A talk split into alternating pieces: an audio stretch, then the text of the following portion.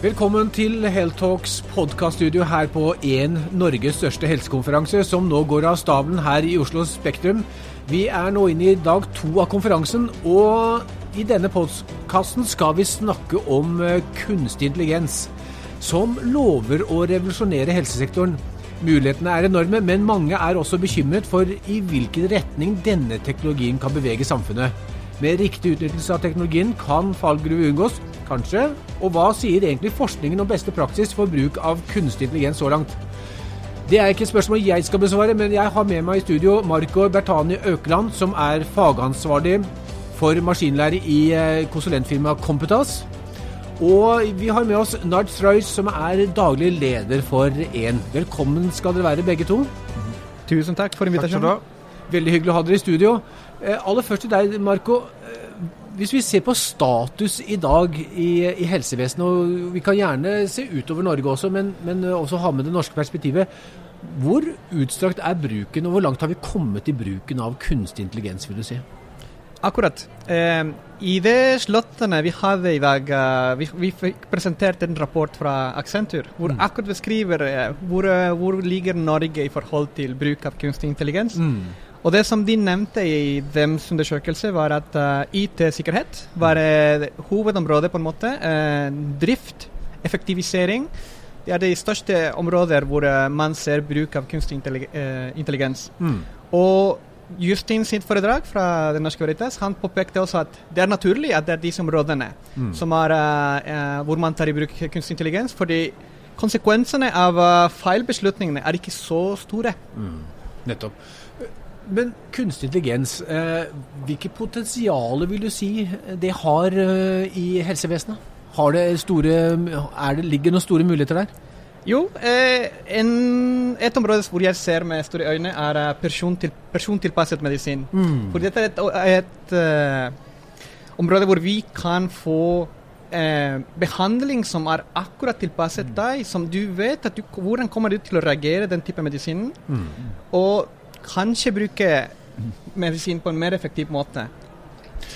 Ja, men det er spennende. Vi skal komme mer tilbake til personligheter. Men til deg, Nard. Mm. Uh, dette har jo vært en konferanse, eh, og vi er ikke ferdige ennå, men Nei. som har virkelig hatt fokus både på persontilpasset medisin og på kunstig intelligens. Riktig, ja. hva, hva, hva, vil du trekke ut av de diskusjonene og de foredragene og debattene som har vært her? Mm. Vi ser jo at uh, kunstig intelligens er veldig sånn hype nå. Det er veldig mange som snakker om det. Uh, det investeres internasjonalt enorme summer uh, i kunstig intelligens, i bruk av kunstig intelligens, også i helse. Mm. Um, vi ser at, at, datamengdene begynner å bli såpass store via genetiske data og andre typer data som så, så enormt store at vi ikke greier helt å forstå det som mennesker lenger. Så vi mm. trenger uh, datasystemer som kan hjelpe oss å få orden på de dataene.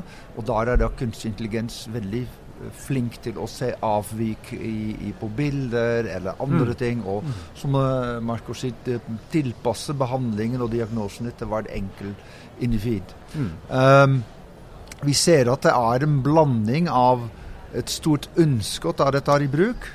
Um, men som du også sa innledningsvis, det er også frykt. Hva betyr det når våre dataene i så stor grad kan analyseres, og hvem, hvem får vite hva, og uh, hvilken måte kan vi uh, få tak i den informasjonen og bruke den? Får vi vite ting som vi egentlig ikke kan mm. gjøre noe med?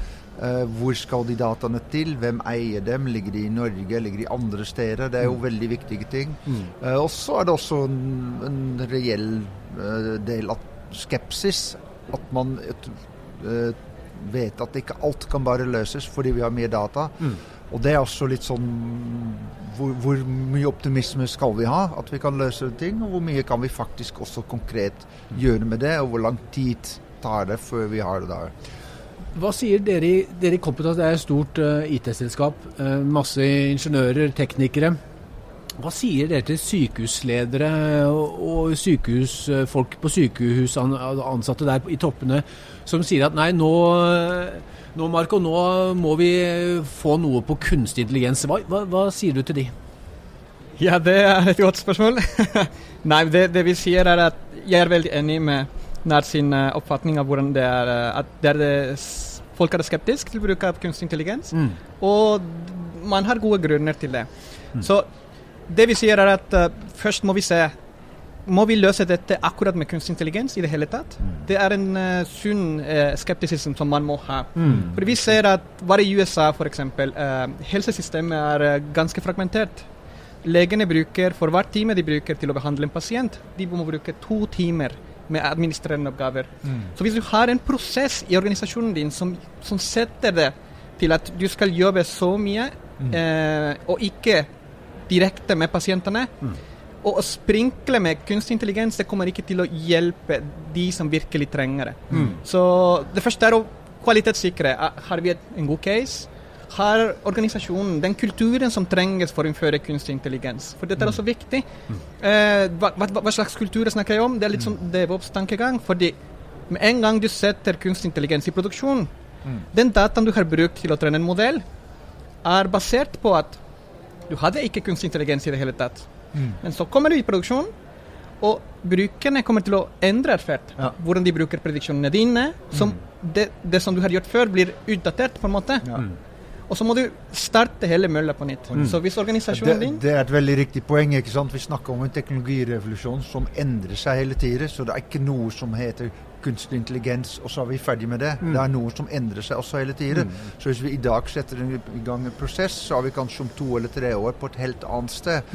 Uh, og, og det, vi ser jo med, med, flere områder i digital helse, men også her, at vi snakker først om teknologien. Og så neste steg begynner man å tenke litt mer på juridiske konsekvensene av det vi gjør, og så ser man på de etiske rammene av det, hva den nye teknologien betyr. Og ofte begynner vi da litt i feil ende. Vi begynner å snakke bare om teknologi. Mm. Og, vi, og, når vi har satt i gang med det, så plutselig finner vi ut ops, men det var noen juridiske ting vi måtte endre. Og så begynner man å snakke om hva betyr dette egentlig mm. for leger, for pasienter, for pårørende. Og hva er de etiske reglene rundt det? Og da må du liksom rulle alt tilbake igjen og begynne på nytt. Jeg tenker at er, Det er veldig viktig at vi får med leger og andre profesjonelle for å tenke veldig raskt hvordan skal vi ta dette her i bruk.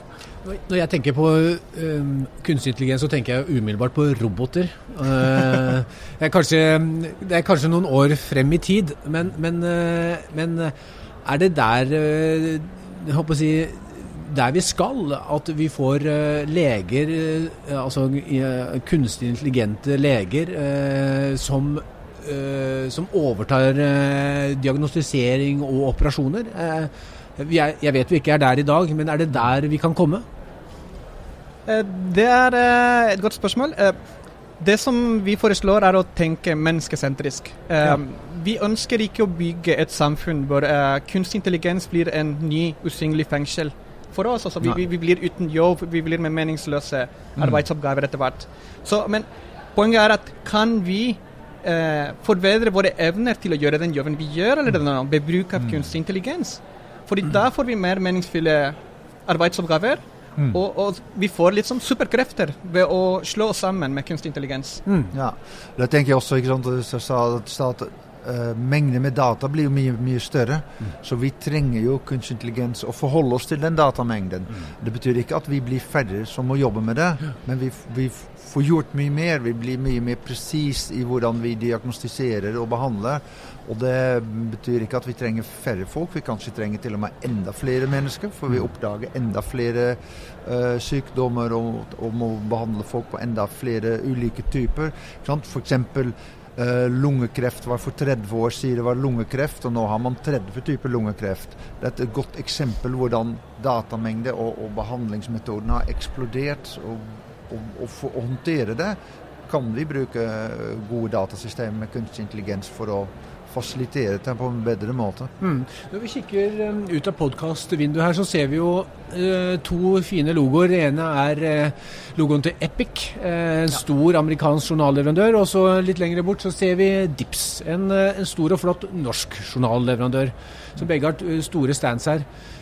Marco, du var inne på, på dette som, som går på at legene bruker uforholdsmessig mye tid på uh, å jobbe innenfor mm. disse journalene. Altså én time pasientbehandling, sa du, mm. er to timer i journalen.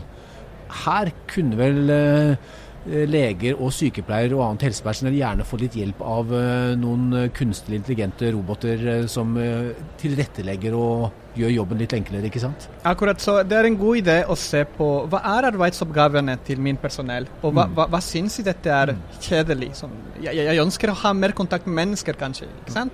Så da, Og hva bruker du tid unødvendig eh, i hvilke type operasjoner? Mm. Så Da kan man evaluere. Kan vi automatisere dette? Hvordan kan vi bestå deg for at du ikke trenger å Du kan gjøre dette, raskere, eller Mm. ikke bruke så mye tid på dette her. Mm.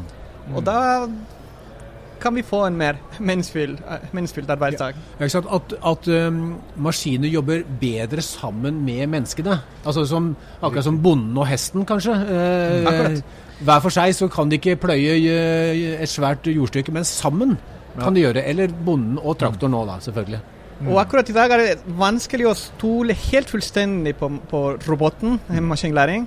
Fordi vi er på et nivå hvor vi bruker bare assosiasjoner mellom data for å, for å kunne ta prediksjoner. Men, men, men det, den ordentlige kaka ligger i når vi begynner å bruke noe som heter causal inference, hvor Mm. vi bruker uh, cause, uh, årsakssamvirkning, uh, Mm. som du kan stole litt mer på at ja, i sånne situasjoner den kommer Ja. til å føre seg på den måten. Ikke sant? Så Derfor er det fint å, å, å være inne i loopen og se hva de, hva de gjør. Ja, ikke sant? Ja. Hva, hva skjer dersom uh, Du er litt inne på det, Marco. Altså, uh, hva skjer dersom kunstig intelligens fôres med dårlig data? Altså dårlig pasientdata, dårlig informasjon. Eh, da kan vi jo ikke stole på roboten iallfall. Mens, mens en en lege eller en sykepleier ville antageligvis ut fra sin erfaring og kunnskap kunne uh, sagt at hei, hei, dette kan ikke stemme. Ja. Akkurat. Sånn som Det, ja.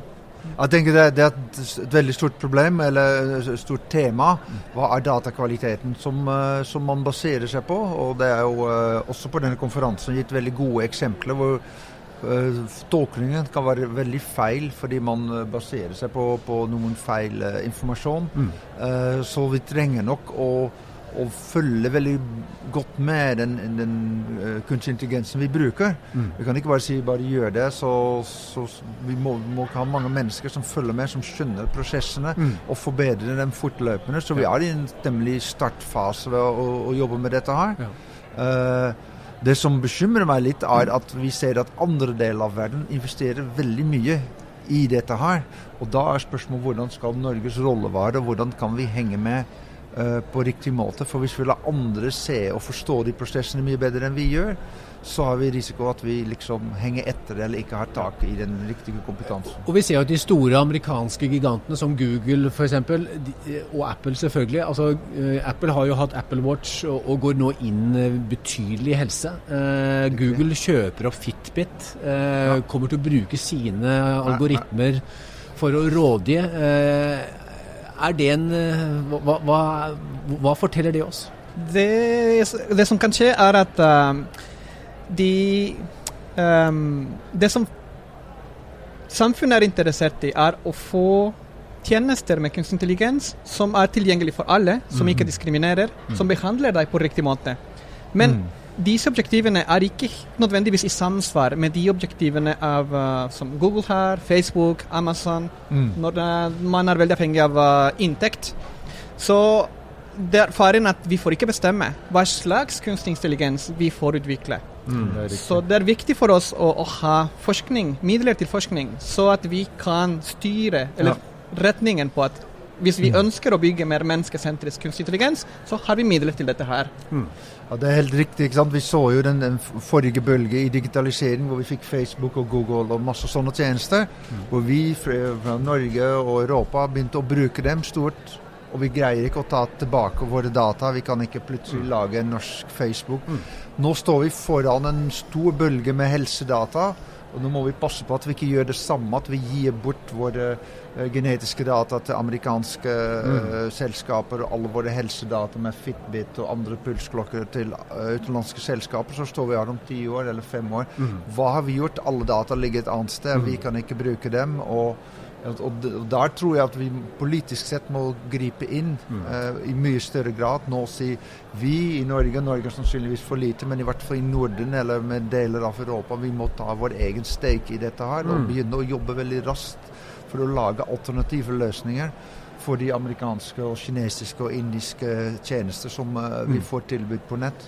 Så det var liksom olje, da Norge fant olje, ikke sant. Man var veldig rask til å sette opp uh, de guidelines for, uh, Ja. for, å, for de eksterne aktørene. Ja. Og så har vi høster vi gevinstene av de riktige beslutningene Mm. som Ja. ble tatt da. Så vi må gjøre noe tilsvarende med Det må vi gjøre også med helsedata, for hvis vi lar andre selskaper ta, den, eh, ta dem nå, Ja. så, så henger vi etter. Ja, Det er den nye oljen, øh, og det er selvfølgelig viktig for oss også som øh, pasienter og borgere å få den beste behandling. og Da er jo vi antakeligvis avhengig av at vi også disse dataene tilgjengeliggjøres. Men Marco, helt helt på tampen, på hvilke områder så, ser du innenfor et fem- eller tiårsperspektiv, hvor, hvor er det største potensialet for kunstig intelligens i helsesektoren? Jeg hadde ønsket at det var mer på persontilpasset medisin. Jeg, jeg syns vi har eh, et stort behov for å F.eks. når vi får det forbruk av eh, antibiotika i verden. Ikke sant? Det, det, det, det skaper mange mer problemer enn det det løser. Um, Og hvis vi kunne tilby en løsning hvor eh, vi fikk eh, riktig behandling til riktig person, Mm. det hadde vært fantastisk. Mm. Når jeg har sagt det, jeg, jeg har ikke tro på at dette skjer innen fem år. Nei. Det er mye hype akkurat eh, i persontilpasset medisin. Ja. Og det er mange etiske dilemmaer som, som også kommer med dette. Sånn som f.eks.: Hva skjer når samme selskap som produserer disse behandlingene for persontilpasset medisin, er det samme som produserer de algoritmene? Ja. Kom, kommer det til å være en bias mot å velge sine behandlinger? Ja. Så her må det være eksterne aktører som ah, ja. kan evaluere disse modellene og, og sjekke at de er rettferdige mot uh, alle leverandører, eller at de tilbyr det de, dette på riktig måte. Ja, det er riktig. Hva tenker du om øh, det? Nei, jeg tenker at, uh, at eh, vi må se på, på hvordan vi kan, eh, vi kan gjøre det innenfor eh, våre rammer. Og så må vi begynne uh, smått. Det, det kan både jobbes i kommunehelsetjeneste med, med artificial intelligence og kunstig intelligens, som, som på persontilpasset medisin. Mm. Og jeg tenker, uh, som Marco sier, at på noen områder vil det ta lengre tid før vi virkelig kommer til bunns. Så vi kan eh, gjøre mye mer med andre typer enklere tjenester, hvor vi kan bruke det og ta det raskt i bruk, tenker jeg. Mm. Veldig spennende å prate med dere, Marco og Nard. Uh, kunstig intelligens uh, er lovende. Det er noen fallgrubber. Mm. De kan fort ligne på Westworld og Terminator. Vi skal prøve å unngå de. Ja. Takk for at dere ville komme i studio og dele tankene deres med oss. Tusen takk for invitasjonen. Det var hyggelig å være sammen. Takk. Ja.